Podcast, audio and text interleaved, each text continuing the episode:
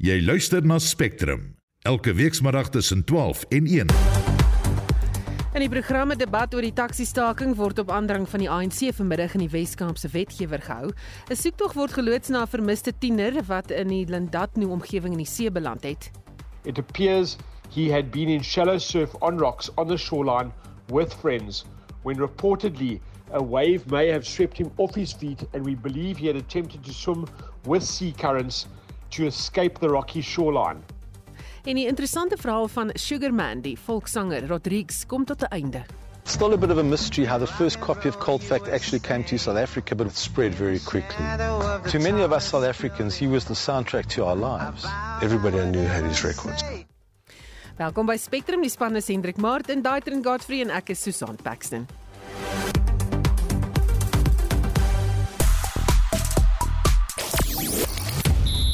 Die Proteas teen Australië sal vroeër by die Wêreldbeker van Kriket gespeel word danksy veranderinge aan die wedstrydkalender wat op organiseerders afgedwing is. In tennis is Suid-Afrika weer goed op dreef in hul soektog vir bevordering na die Davis Beker Wêreldgroep 2 en 'n doel in die laaste minuut van spel gee Kaizer Chiefs ondersteuners baie om oor te raas.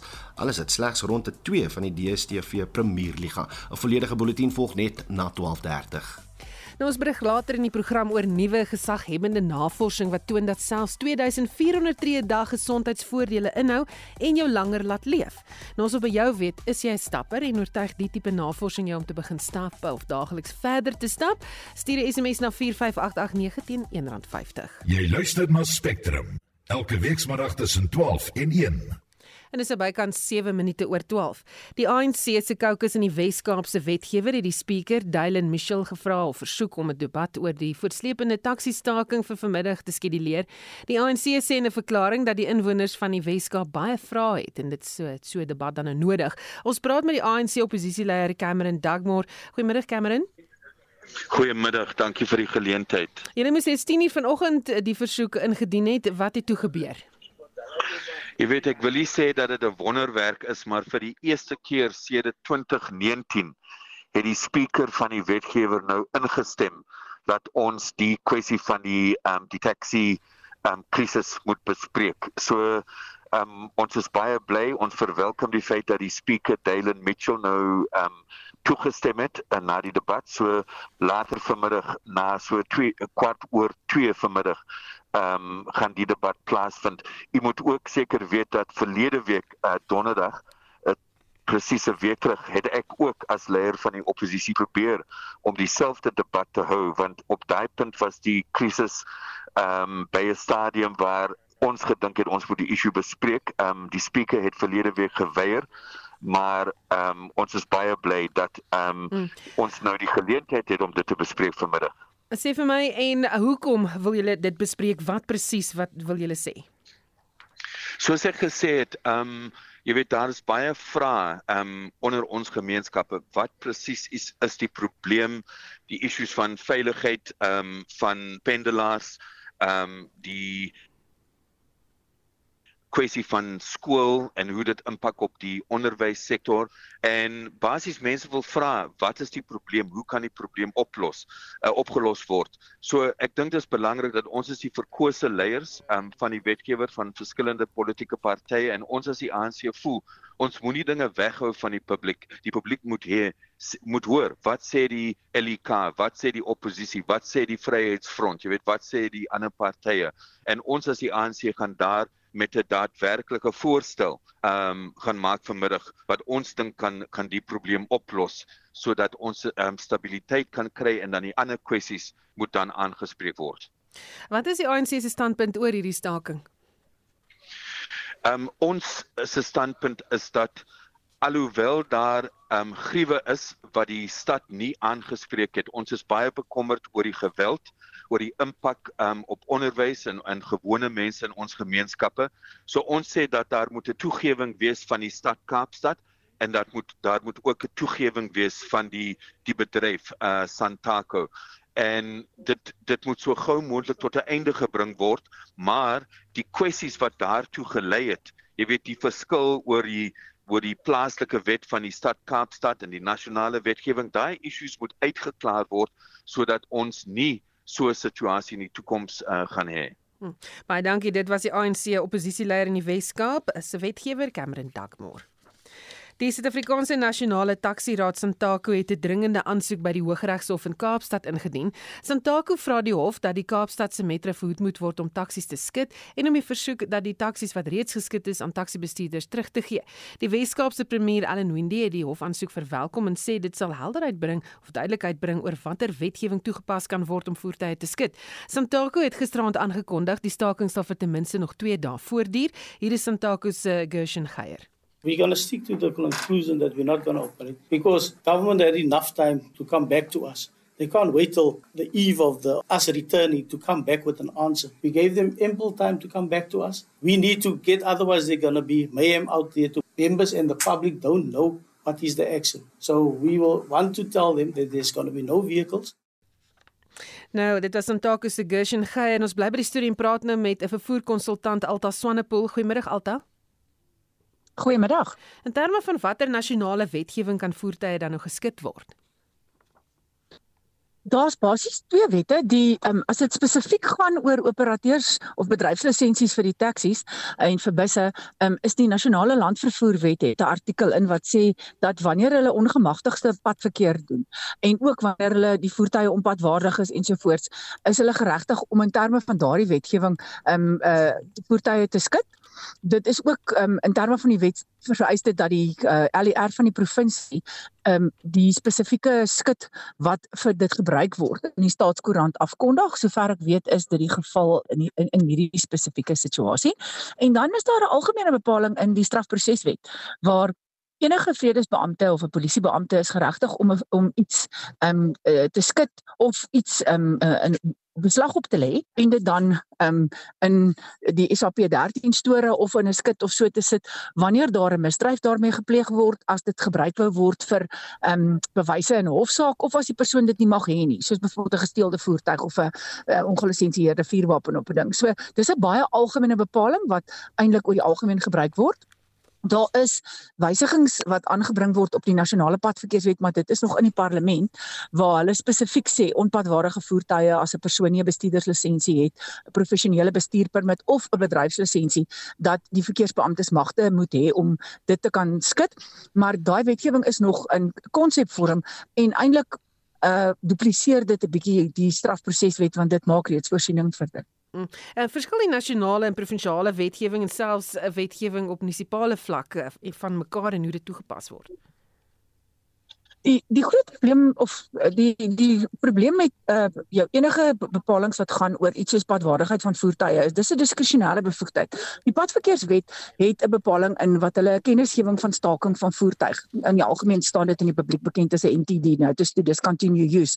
En die padverkeerswet sê dat indien 'n voertuig onpadwaardig is, mag hulle so kennisgewing uitreik. Dit behels nie altyd die voertuig geskit word nie. So daar is 'n proses waar jy vir iemand kan sê, hoorie, jou voertuig is nie padwaardig nie. Ek beskou hom nie as veilig nie, die bande is nie reg nie of die remme of wat ook al. Jy moet jou voertuig na 'n toetsstasie toe neem. Hulle doen daar 'n ondersoek en hulle kyk is die voertuig uh, veilig of nie en dan sal hulle hom of onpadwaardig skryf gee jou twee jou gewoonlik 14 dae tyd om jou voertuig dan reg te maak en hom terug te bring. En dan uh, indien jou voertuig dan reg is, dan kan jy nou weer lisensieer en jy kan aangaan. Indien die voertuig nie reg is nie, bly hy onpadwaardig op die stelsel. Oor die algemeen is dit die bepaling wat gebruik word, maar dis baie diskresionêr. Padwaardigheid is enige iets van jy het 'n klein kraakie in jou windskerm tot um, jou voertuig val omtrent uit mekaar uit en in terme daarvan is dit gewoonlik maar waar beamptes kom en sê daar's soveel goed met jou voertuig verkeerd dat ons dit as onveilig beskou so ons gaan vir jou sê ons gee vir jou 'n NTD jy moet 'n ehm 'n uh, 'n uh, toutra kry of skuis tog 'n uh, uh, voertuig kry met 'n kom wegsleep en jy jy kan nie met die voertuig ry nie. Maar ehm um, wat dan baie keer gebeur is die beamptes gee twee of drie keer vir 'n persoon hierdie tipe van kennisgewing, maar hulle steur hulle nie daaraan nie. Hulle gaan nie na die toetsstasies toe nie ensovoorts. So jy vind daarna kry jy dit baie keer in 'n owerheid dat hulle dan sê oor die julle moet hierdie voertuie skit want dit help nie hierdie persone stel die mense wat in die in die voer die taksies ry se lewens in gevaar of in enige ander voertuig dis nie net op taksies van toepassing nie dit kan met enige van ons se voertuie gebeur. Ehm um, en dan skit hulle baie keer die voertuig onder daai omstandighede. Want as jy vir my uh, so as ons nou kyk wat in die Weskaap gebeur het ons gaan nie byvoorbeeld kan sê die metro byvoorbeeld was verkeerd in hulle optrede nie of die taksies byvoorbeeld was onpadwaardig nie dit sou dan nou letterlik gaan taksi vir taksi. Dit dis reg ja, want jy gaan um, as jy nou sommer net kom ons sê uh, oor hoofse besluit jy moet jy sê nou skud ons al die taksies. En party van hulle het baie klein foutjies aan, ander het groot foute. Um, dit is 'n diskresionêre bevoegdheid. So um, die padverkeerswet self sonder dat mens nodig het om na jou provinsiale of jou plaaslike wetgewing te gaan, het eintlik reeds 'n klomp magte in om 'n voertuig um, uh, as onpadwaardig te verklaar en daar's natuurlik baie baie reëls. Ehm um, die die goed wat iets as onpadwaardig kan maak is baie baie groot. En dis eintlik dink ek daar waar die probleem baie keer inkom waar in een owerheid moet jou voertuig regtig in 'n baie swak toestand wees voor hulle so iets doen en in 'n ander owerheid is hulle geneig om dan te sê oor die as daar sekere goed um, hulle hulle het maar gewoonlik wat hulle noem standaard bedryfsreëls of iets om te keer laat mens um, die die magte um, vers, verskillend interpreteer want baie keer kry die ouens dan 'n siviele eise teen hulle. Hmm. Santako wend hulle nou na die hof toe is dit regtig nodig as sekere wetgewing dan reeds bepaal dat voertuie geskit kan word indien daar sekere oortredings is ek weet nie of dit dit wenig enigstens 'n verskil gaan maak nie, want soos ek sê die strafproseswet maak reeds voorsiening daarvoor dat hierdie voertuie wel geskit kan word. Ehm um, dit mag dalk ehm, 'n um, duidelikheid kry tussen ehm um, wat die magte van die owerhede is.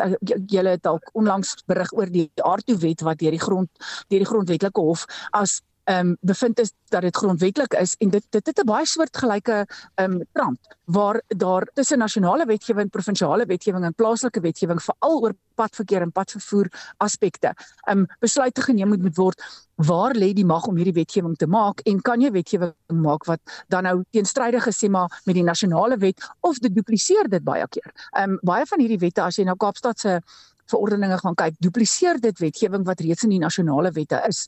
So om die keuse te maak watter een van die twee jy dan nou gebruik, is ek nie so seker of die eindresultaat daarvan vreeslik verskillend gaan wees op die padgebruiker nie. Ja. In, indien hulle by die punt kom sê, weet jy, jy mag hierdie ding doen of jy nou die nasionale wet gebruik om dit te doen en of jy die plaaslike wet gebruik, ehm um, maak nie eintlik 'n groot verskil nie. Baie dankie, dit was 'n vervoerkonsultant Alta Swanepoel. Die wysigingswetsontwerp op basiese onderwyswette, alom bekend as die Bela Wet, word in die parlement oorweeg. Verskeie organisasies en vakbonde waarsku reeds 'n geruime tyd dat die wetgewing verrykende gevolge inhou vir onderwys in die land. Wetsa se bestuurshoof, Jaco Deeken, het aan Marlenae Forsie verduidelik hoe sake nou daarna uitsien. Die onlangse mediaberigte het eintlik net verwys na die opsomming wat die parlementêre werknemers gemaak het oor die openbare verhore en dat hierdie verslag dan nou of ten minste gedeelte van die verslag gereed is om vir die portefeulje komitee te dien. Nou hierdie was die openbare verhore in die 9 provinsies waar inset ontvang is en geskrewe inset, maar voor dit was daar natuurlik die geleentheid vir geskrewe insette. So dis letterlik der duisende dokumente en voorleggings waardeur gewerk moet word en as ek die berigte verstaan, is daar nog 'n paar eh, duisend uitstaande. Nietemin, ons verstaan hierdie verslag dien volgende week voor hierdie komitee, dis nou die portefeulje komitee en die proses is dan dat van die departement se amptenare gaan insit om kundige advies te gee en dan gaan hierdie parlementêre komitee dan die die konsep wetklausule vir klausule bespreek en dan besluit of hulle dit gaan aanvaar of dit nie gaan aanvaar nie. Van die af moet dan nog baie water in die see loop. Die oomblik wat hierdie komitee dan nou sou besluit hulle is tevrede nadat hulle deur alles gewerk het, moet hulle dan 'n verslag voor die parlement laat dien. Hierdie wet dan nou aanbeveel en met of sonder wysigings.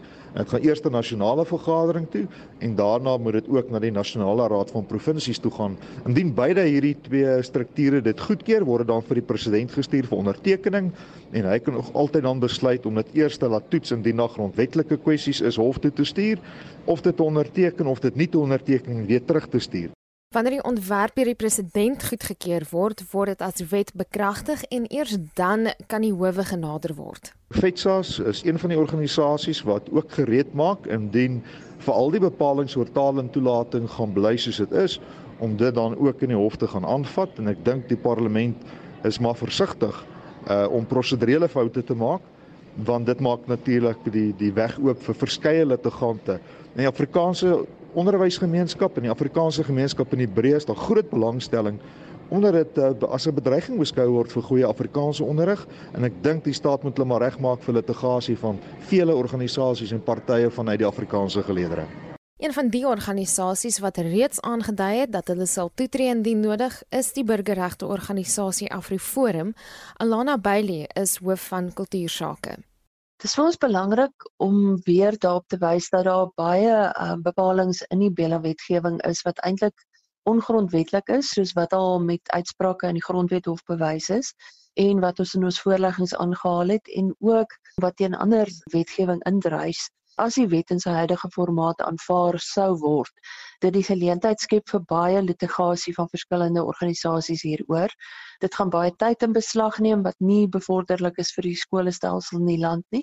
En dit gaan natuurlik baie duur wees. Dit gaan koste wees wat die staat betaal maar die staat word befonds deur belastingbetalers wat al oorlaai is en daarom dink ons voorkomend sal definitief beter wees om die die wetgewing in die huidige formaat te skrap en terug te gaan tekenbord toe Sy sê hulle is juis bekommerd dat die wetgewing nou gestroomroller gaan word. Dit lyk of daar nogal baie wetgewing is wat voor die verkiesing deurgestroomroller word in die stadium.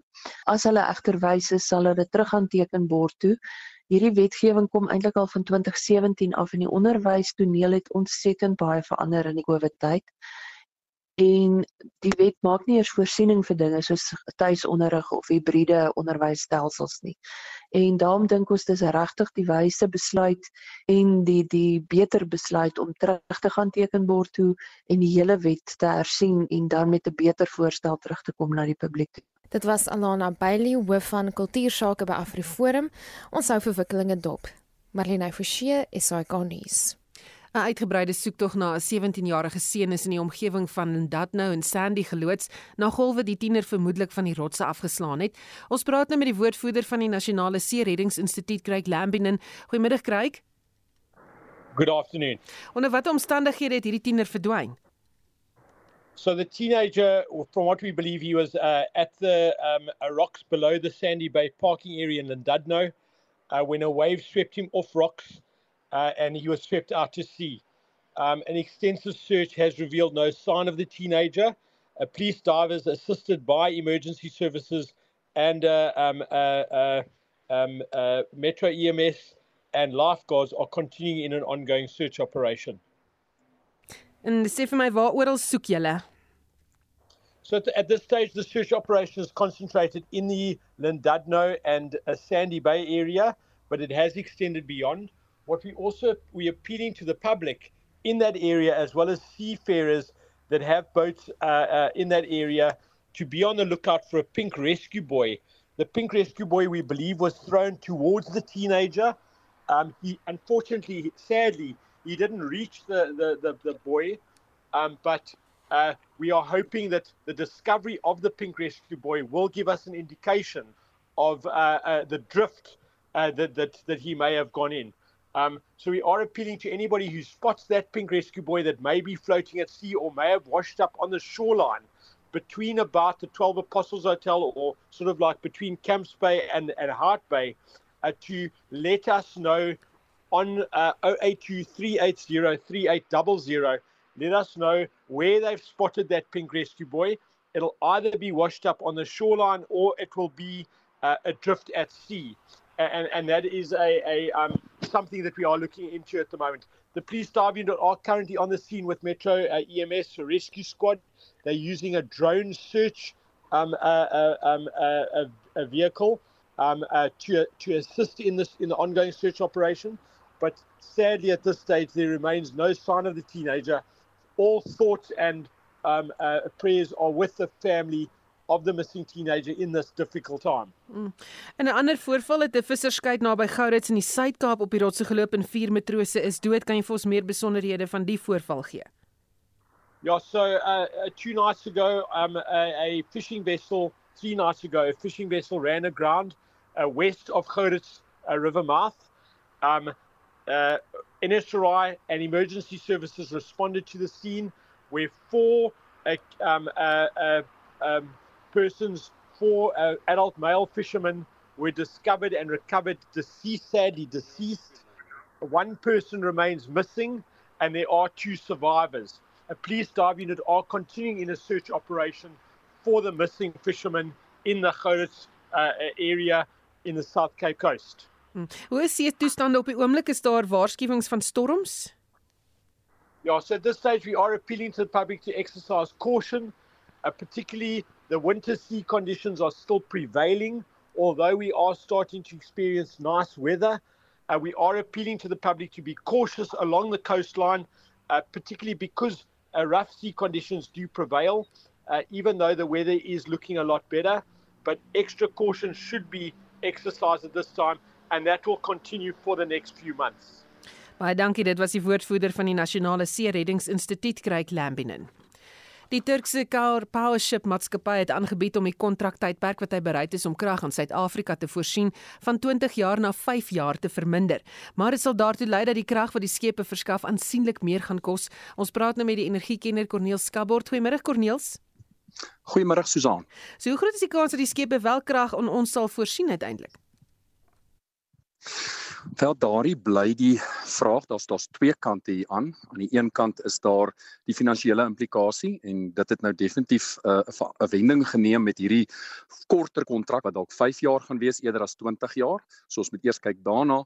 Maar aan die ander kant, daar's nog steeds die omgewingsgoedkeuring wat nog nie finaal gegee is nie en daar's uitstel gewees en heraansoeke wat gebring gaan word So dit is die twee dinge wat tans ter sprake is, maar wat die kontraklengte betref, dit was die groot probleem vir 20 jaar. Die WNR het studies gedoen en daardie koste sou oor die 300 miljard rand gewees het. So dis 'n aansienlike groot bedrag, maar nou met 5 jaar word daar nou vergelykings getref tussen die koste wat in elk geval aangegaan word om ons diesel kragopwekkers te bedryf by Gorikwa, Ankerlig en so meer en dat daai koste dalk goedkoper sal wees. So dit is die dinge waarna gekyk gaan word om te bepaal of hierdie 'n goeie of 'n swak oplossing sal wees. Sal dit goedkoper wees as om diesel te gebruik? Wel, as 'n mens kyk na gas en jy kyk tans, ja, daar is definitief meriete daarin om eerder gas te gebruik as diesel.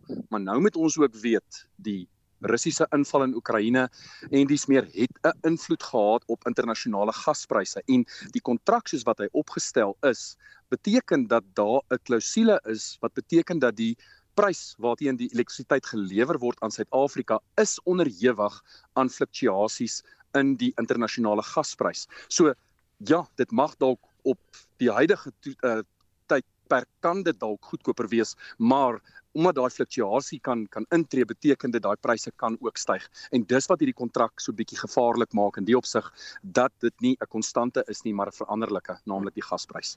Maar is hierdie die beste opsie vir alles mens kyk na omgewingsimpakte? Wel aan die een kant is daar die omgewingsimpak en ons het dit nou al gesien nie net met Cardhourship nie ek bedoel dit dit is die die totale Suid-Afrikaanse prentjie van elektrisiteitsvoorsiening. Ons moet twee sake te mekaar opweeg. Aan die een kant is daar die omgewingsimpak en ons moet besef dat die kragskepe wat gaan vasgemeer word in van hierdie hawens gaan definitief 'n omgewingsimpak hê. Net soos wat die inbedryfstelling van Kusile drie van daai eenhede later ook 'n massiewe impak gaan hê in terme van swaweldioksied wat die atmosfeer ingestuur gaan word. So dit is daar, maar nou moet jy dit opweeg teen 'n addisionele hoeveelheid elektrisiteit wat opgewek word. Met ander woorde, minder beurtkrag, dit beteken groei in die ekonomie. En is dis moeilik, maar maar Susan, dis waar op hierdie debat neerkom. Ons is eintlik besig om om ekonomiese groei op te weeg teen die gesondheid van nie net mense nie, maar ook die omgewing en en en dit is daai balans wat wat wat gehandhaaf moet word. Baie dankie. Dit was 'n energiekenner Corneel Skabort. Die Raad op Mediese Skemas het sy mediese fondspryse vir 2024 met meer as 5% verhoog. Die senior voordeelbestuurder by die Raad, Mondli Govuzela, was egter bekommerd oor 'n toename in lede wat hulle mediese fondse beëindig. Govuzela sê die toenemende stygings in privaat mediese kostes het 'n negatiewe impak op die bedryf en Marlie Skeepers doen verslag. Die Raad op Mediese Skemas vervul hoofsaaklik 'n waghondfunksie oor mediese fondskemas. Die prysstygings is in verhouding met die inflasiekoers. Die Raad op Mediese Skemas skryf die stygings toe aan stygende mediese kostes en die hoë voorkoms van kroniese gesondheidstoestande wat deur die skemas gedek word. Die bekostigbaarheid van mediese fondsskemas word om die rede onder hoë druk geplaas. Kuvuzela verduidelik. One of the main drivers for you know cost increases in medical schemes. It is important to note that uh, we have noted over time an increase in the chronic disease prevalence in the population covered by medical schemes. The data that the CMS collects uh, will indicate that in 2014, there were about 13% of um, medical scheme beneficiaries who had at least one CDL or chronic disease that is listed in a list of um, uh, chronic diseases under PNBs. And by 2020, that number had increased to 16%. And clearly, that will put a pressure on medical schemes in terms of, you know, affordability. And that will then put pressure on uh, contribution increases. You would have noted, as mentioned in our annual reports, that there has been a stagnation in medical scheme membership. So what would typically happen is that the people who really need medical schemes are the old and sick. They will remain in medical schemes, and the young people will typically leave medical schemes or will delay uh, joining a medical scheme. Govuzela sê die private gesondheidssektor het nie genoeg medisy om voldoende gesondheidsorg aan lede van mediese fonds skemas te bied wat tot die kansellasie van lede lei. Especially we have fewer doctors and specialists and a demand for higher remuneration. This puts pressure as well on medical schemes to afford the services that are bought on behalf of medical scheme beneficiaries. There's also a member demand, you know, members demanding for healthcare services. We know that there's been developments in cancer therapy. You have expensive medicines such as biologicals. There's demand for more advanced optical care, demands for a specialized dentistry. Indien 'n mediese skema 'n byvoordeel tot die mediese plan wil toevoeg, moet dit eers deur die raad goedgekeur word. Geen veranderings aan voordele, reëls en regulasies mag sonder die nodige dokumentasie en goedkeuring van die raad geskied nie. Medical schemes have until the 1st of uh, September 2023 to submit any new benefit options. Again, the trajectory that the office is taking is towards consolidation of our risk pools. So it will only be under very exceptional circumstances a new benefit option will be approved. The office will look at whether the new benefit option introduces new innovation that's beneficial to beneficiaries of medical schemes. And if it is found that uh, uh, already in that very medical scheme, a similar benefit option exists, a new option will then not be approved. Medical schemes may not implement any contribution increase or rule amendment that has not been approved by the office or by the CMS. It is also important that schemes are advised against communicating any benefit changes or contribution increases before obtaining approval from the office. We have seen in the past that medical schemes will market products that are yet to be approved by the office. The challenge with that is when such applications or submissions are rejected by the office. The medical schemes have already created an expectation, and the office is then faced with a barrage of complaints from members. We would really advise that medical schemes should abstain from uh, marketing products that have not been approved. Die raad voer aan dat die prysstygings kan bydra tot die herbouing van mediese fondskemas en beter dienste aan lede sal verseker. Die verslag is saamgestel deur Matima Kosa en ek is Marlie Skeepers vir SAK nuus. Spectrum, jou middagnuusprogram op RSG. Nog in die nuus, die Kaapstadse Metro het bevestig dat nagenoeg 200 strafregtelike aanklagte by die polisie ingedien is wat verband hou met die voortsleepende taxi-staking. Die klagtes behels moord, poging tot moord, brandstigting en opsetlike saakbeskadiging. En 'n noodtoestand is in Ecuador verklaar na die sluipmoord op 'n kandidaat in die presidensiële verkiesing later van dese maand. Fernando Villavicencio is doodgeskiet kort nadat hy 'n politieke saamtrek in die hoofstad Quito verlaat het. Bly ingeskakel.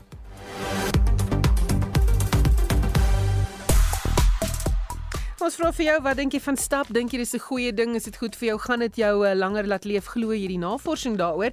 En uh, ek sien dat Samuel sê ja, ek stap elke dag, baie belangrik en Mary Ashpole sê sy is 81. Sy stap elke dag tussen 10 en 14 km. Uit 560 dae net 4 dae sê sy nie gestap nie. Fitbit 10000 eh, tree bereik elke dag en dit is net as gevolg van vlugte na Amerika toe. So dit lyk vir my is baie aktief en stap is goed vir jou. Jy kan sê dit saamgestel daaroor oor of oor enige van die ander kwessies wat ons oor praat. Iemand wat ook hier gesels oor die mediese fondse. Jy kan 'n SMS stuur na 45889. SMS se kos R1.50. En Udo Karels sluit nou by ons aan vir die jongste sportnuus. Goeiemiddag Udo middag Susan. Nou ons begin met cricket eh, waar die internasionale cricketraad 'n paar grys haartjies bygekry het oor sy wedstrydkalender vir die Wêreldbeker.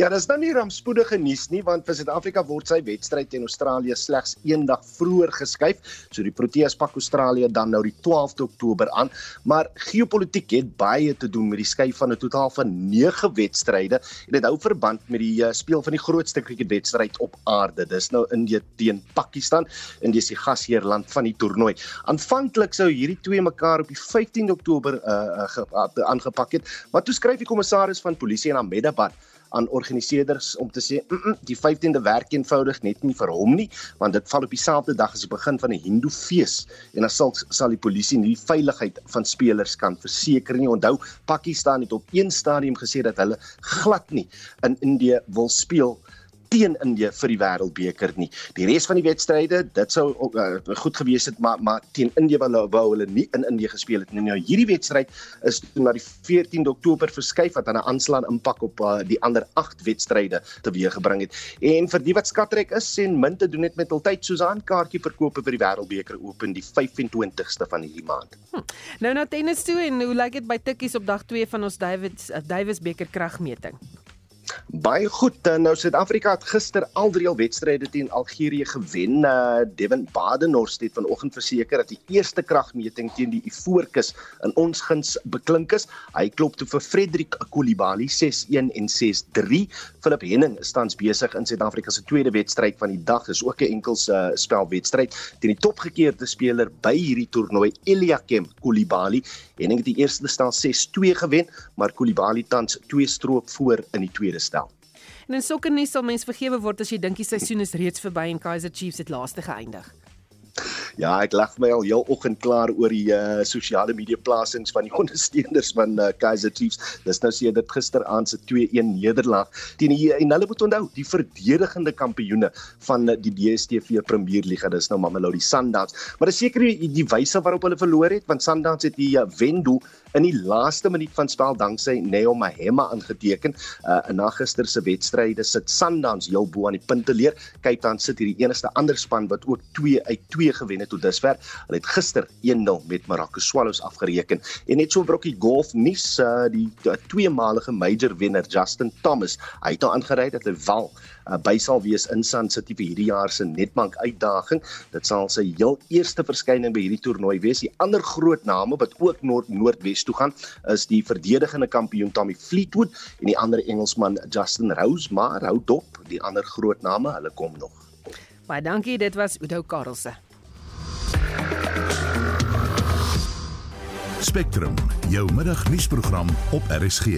21 minute voor 1 Unisa sal onder administrasie geplaas word nadat 'n ministeriële taakspan gevind het dat die universiteit nie finansiëel stabiel is nie. Die taakspan het aanvanklik klagtes van korrupsie en boeliegedrag ondersoek.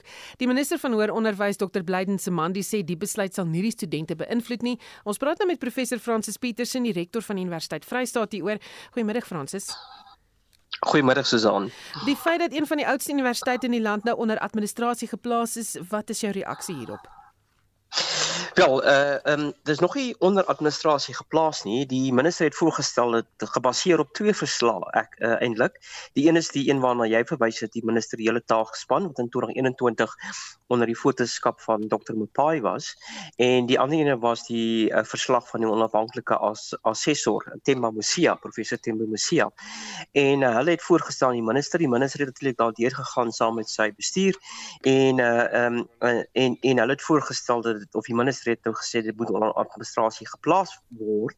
Maar die raad het uh, is is 'n paar dae gegee die raad van Unisa om uh, om nou redes aan te voeg hoekom aan te voer hoekom dit nie onder administrasie geplaas uh behoort te word nie. So die finale besluit sal seker nou daarna geneem word. Uh maar maar ja, dit is ek dink dit is vir my um as as 'n lid van die van die sektor om van die 26 publieke universiteite van Suid-Afrika altyd 'n uh, um uh weet 'n uh, uh, mate van van van tragiek indien van ons universiteite onder administrasie geplaas word. Uh ons uh, uh wil graag hê ons moet sterk leierskap hê, sterk oorsig en sterk universiteite wat die vertroue van die publiek uh uh um, moet moet hê. En uh, sulke tipe van dinge administrasie of ander tipe goed wat gebeur by universiteite uh is altyd uh um uh, aspekte wat wat hierdie goed uitdaag. Uh, uh sterk universiteite vertroue onder die publiek en dis hoekom ek nie graag wil sien dat ons uh, uh universiteite onder administrasie geplaas gaan word nie. Maar ek dink is ook reg as daar as daar dinge verkeerd is dan moet dinge aangespreek word en as as 'n administrateur of onder administrasie plasing die regte meganisme is om dit te hanteer, dan dan moet dit gebeur. Hm. Is hierdie 'n aanduiding van hoe dit met ons hoër onderwysstelsel gaan? Wel ek ek ek uh, is natuurlik seker uh, bevooroordeel mm -hmm. as ek sê nee, hè, noodwendig nie. Maar uh, ek het ek ek het so 'n paar weke gelede of 'n maand gelede gepraat oor uh, wat in plek is by universiteite en binne die universiteitssektor om seker te maak dat ons uh, baie goeie administrasie van universiteite het, leierskap by universiteite wat goeie kwaliteit beheer uh, uitvoer dat ons goeie kwalifikasies kry en ook oorsig het uh waar daar goeie rade in plek moet wees en natuurlik 'n ander ander uh um, meganismes soos byvoorbeeld auditkomitees uh, waar daar baie onafhanklike persone uit die privaat sektor uit die publieke sektor op sit uh sowel as die raad van hoër onderwys en natuurlik die departemente en die minister self uh wat wat wat wat ook 'n oordeel kan vel. So daar is baie van hierdie strukture in plek uh soos Suzan om te beskerm en om te verseker dat universiteite op 'n baie baie hoë standaard funksioneer wat betrek wat betreffende uh um uh administrasie oorsig en effektiewe bestuur betref. Maar is altyd 'n funksie van uh weet die mense wat hierdie hierdie hierdie posisies uh uh um hanteer of wat in hierdie in hierdie entiteite instaan uh, waarvan ek nou gewys het en ek hoop dat ons altyd daardie regte besluit dat ons regte persone daarin kry. So uh daar is natuurlik universiteite oor die algemeen waar ek dink daar sulke uitdagings is maar in as ek oor oor die 26 publieke universiteite praat dan wil ek myself uh uh um verstout om te sê dat ons het baie baie goeie 'n baie goeie universiteitssektor en ons help ook mekaar onderling as rektore, visierektore uh um en en en en en raadsvoorsitters en ondervoorsitters om seker te maak dat ons daai stelsel behoue bly en waar daar persone is wat sukkel uh of wat 'n uitdaging het, ek wil nie sê sukkel nie, maar wat 'n uitdaging het, dan help ons hulle om te ondersteun. So ek wil ek wil sê nee, dit ja. is nie dit is nie 'n proxy daarvoor nie. Baie dankie. Dit was professor Francis Petersen, die rektor van Universiteit Vrystaat. Die kommissaris van korrektiewe dienste, Makoti Samuel Tabokhali, sal na verwagting vandag bekend maak of oud-president Jacob Zuma moet teruggaan tronk toe om sy 15 maande tronkstraf volledig uit te dien. Zuma het in Julie 2021 begin om sy tronkstraf in die Escort gevangenis in KwaZulu-Natal uit te dien nadat die konstitusionele hof hom skuldig bevind het aan minagting van die hof omdat hy geweier het om voor die Zondo-kommissie te getuig. Zuma is egter na 3 maande op mediese parol vrygelaat. Ons praat nou met die strafregkenner Dr. Llewellyn Kloos. Goeiemôre Llewellyn. Goeiemôre. So indien eh, Tobokali besluit dat Zuma nie verder tronkstraf hoef uit te dien nie, is daar sekere regsbepalinge wat sal vereis dat Zuma eers na die Escort gevangenis moet terugkeer om regmatig vrygelaat te word. Ja, ek dink nie dit is 'n uh, daar's voorskrifte in die verband nie. Ons het hierdie is 'n uh, uh, natuurlik 'n uh, vaarwater waarop ons nog nooit onsself bevind het nie.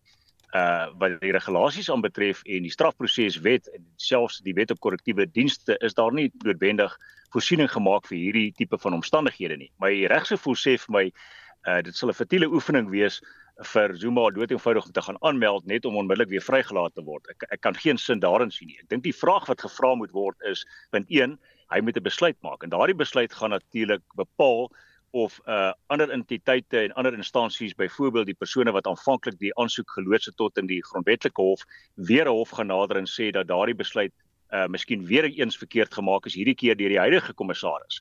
Ehm um, die alternatief sou wees dat hy sê nee nee, dit is genoegsaam tyd wat jy spandeer het uh onder parol, want parol is natuurlik niks anderste as 'n voortsetting van jou gevangenisstraf, maar net buitekant die tronk nie, wat beteken hy het sy vonnis uitgedien. En as dit dan korrek is, dan sit ons met die situasie dat uh Zuma se regspan waarskynlik dan ook 'n dringende aansoek kan bring, uh sou hy gelas word om weer terug te gaan tronk toe al is dit net vir 'n dag of twee.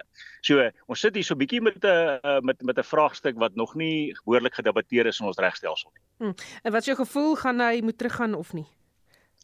Ek dink nie so nie. Uh op twee redes uh, wil ek daardie argument voer. Die eerste een is sy ouderdom.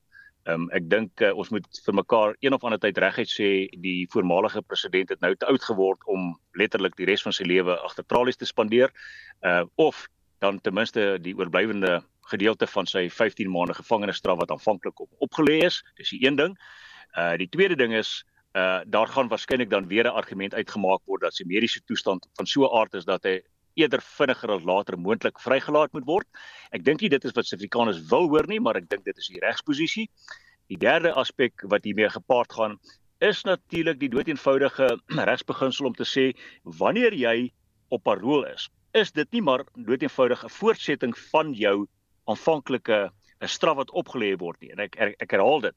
Parol beteken nie jy is skotvry nie, jy stap buitekant vry rond en jy het nou nie meer 'n sanksie waarin jy gebonde is nie. Dis deel van jou straf. En administratiewe komponent daarvan. Met ander woorde, die besluit wat geneem was deur die kommissaris is een ding. Die regsbeginsels is totaal iets anders. En ek dink hmm. waaroor mense baie keer de mekaar raak hier so is om Zuma verantwoordelik te hou vir die administratiewe uh vraagstuk wat voor die hof gedien het en dit is natuurlik of die kommissaris sy diskresie reg uitgeoefen het al dan nie. Ek dink nie hy het nie en dit het die grondwetlike hof ook bevestig. Maar dit gesê, beteken nie dat daai tydperk intussen tyd verstryk het nie en derhalwe sou Zuma waarskynlik kan reg uh, reg tegnies in argumenteer dat hy sy volle tydperk uitgesit het wat hy aanvanklik gestraf is voor. Hmm. Baie dankie gespreek met die strafregkenner Dr. Llewellyn Kloos. Mynproduksie het jaar op jaar met 1,1 persentasiepunt in Junie toegeneem. Seisoonaal aangepaste syfers het met 1,3 indekspunte toegeneem. Die statistiek is vroeër deur Statistiek Suid-Afrika bekend gemaak. Ons praat nou met Dr. Rolof Botha, ekonomiese raadgewer van die Optimum Beleggingsgroep. Goeiemiddag Rolof. Goeiemiddag julle. Kom ons kyk gou-gou na hierdie indeks, wat het goed vertoon, wat het sleg vertoon? Uh die Platinum groep uh, was die ehm um, uitskieter daarso uh as mens kyk na die 3 maande syfer in vergelyking met die vorige 3 maande 5.8% toename in volume gevolg deur goud in uh, wat die silwer medalje wen met 5.2%. Uh maar daarna gaan dit maar broekskeer. Steenkool het so 'n bietjie opgetel 1.5% waarvan die groot 6 dis nou goud, ystererts, platinum groep, steenkool, mangaan en krom. Ehm uh, was daar drie wat negatief uh uh met negatiewe uh, volume groei koerse vorendag gekom het. So wat die volume tref is nie so sleg nie, maar die verkoopsyfers lyk verskriklik sleg. Wat voorspel dit vir die res van die jaar? Wel, ek kyk nou vinnig hierso vir daai ehm um, vir daai uh vir, vir al die metale minerale saam, ook die boumateriale is ons vir die eerste 6 maande van die jaar 12% af wat die die randwaarde betref. Ek wil net noem vir die luisteraars dat hierso tussen 2000 en 2019 was die mynbou se bydrae tot toegevoegde waarde, dis nou voor belasting se goederes, was so net onder 6% toe dit tussen 20 uh omtrent 2029 doen die volgende dekade met toegeneem na so 6.4%, maar verlede jaar en voorverlede jaar was skitterende jare gewees vir mynbou toe dit was dit die uh, 8.4% in 2021 8.1% vir die jaar maar hy's nou weer terug na 6.8% toe. Uh die wêreldekonomie is maar bietjie papperig. Ehm uh, so uh die sektor se toegevoegde waarde gaan ongetwyfeld 'n bietjie van 'n meelsteen om die nek van die BBP syfer wees. Ons sê dit was Dr. Rolof Botha, ekonomiese raadgewer van die Optimum Beleggingsgroep.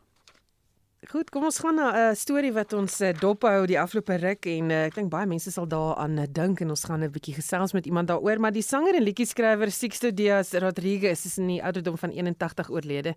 Sy musiek het groot hoogtes in Suid-Afrika en Australië bereik en die nuus van sy dood is op sy webwerf bekend gemaak met 'n kort nota van sy dogters. Rodriguez is deur Suid-Afrikaanse aanhangers herontdek wat hom in die laat 1990s in Detroit, Michigan in die Verenigde State opgespoor het. Dit het uiteindelik gelei tot die Oscar-bekroonde dokumentêr Searching for Sugar Man in 2012. Rodriguez het sy loopbaan in die laat 1960s begin en later twee albums in die 1970s vrygestel. Cold Fact wat sy treffer Sugarman ingesluit het en die 1971 vrystelling van Coming from Reality wat min kommersiële sukses in die Verenigde State geniet het. Hy sou later 'n paar konserte in Australië met groot opwinding speel, maar daarna verbykans twee dekades van die musiekwêreld verdwyn voordat hy in 1998 herontdek is waar hy bouwerk in Detroit gedoen het. Sugar man, won't you hurry? Cause I'm tired of these scenes. Op plaaslike bodem in Amerika het hy gesukkel om sukses te vind ten spyte van sy kultusaanhanging in ander dele van die wêreld wat vir hom onbekend was tot sy herontdekking in die laat 1990s. Hier praat hy in 2012, die jaar toe die dokumentêr Searching for Sugarman vrygestel is. Now that I've had time to reflect on it, the music business is uh, you have to be ready for rejection, criticism, and disappointment. So those kinds of things are pretty much built into any career. And so with music as such. So yeah, it was it was a disappointment to me then, but look at this, you know, it's quite something uh, to be here. Sy dogter Eywa was die katalisator vir latere sukses na sy op 'n webwerf afgekom het wat sy musikaliteit in die laat 1990s besing het. Dit het later gelei na 'n toer na Suid-Afrika, Australië en ander dele van die wêreld. Die dokumentêr Searching for Sugarman het sy loopbaan later in sy lewe aangehelp. Malik Ben Jalal is die Sweedse dokumentêre rolprentmaker van Searching for Sugarman. In Cape Town, one of the characters in the film told me the story and I was like, this is the best story I ever heard in my life and ever will hear. And I was like, this is, I'm going to spend a few years on this. And I spent like five years. 'n Gerug dat hy homself op die verhoog om die lewe gebring het, was later as feit gesien na hy alle musiek agtergelaat het en in armoede in Detroit geleef het.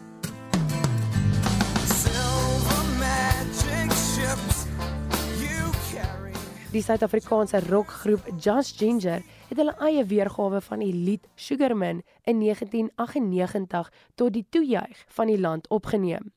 Terwyl die dokumentêr Searching for Sugarman groot toekenninge ingepalem het vir die beste dokumentêr in 2013 wat gelei het na die herlewing van sy musiekloopbaan. Hierdie verslag is saamgestel deur Sherwin Bryce Peace. Ek's Anmane Eckart vir SAK nuus.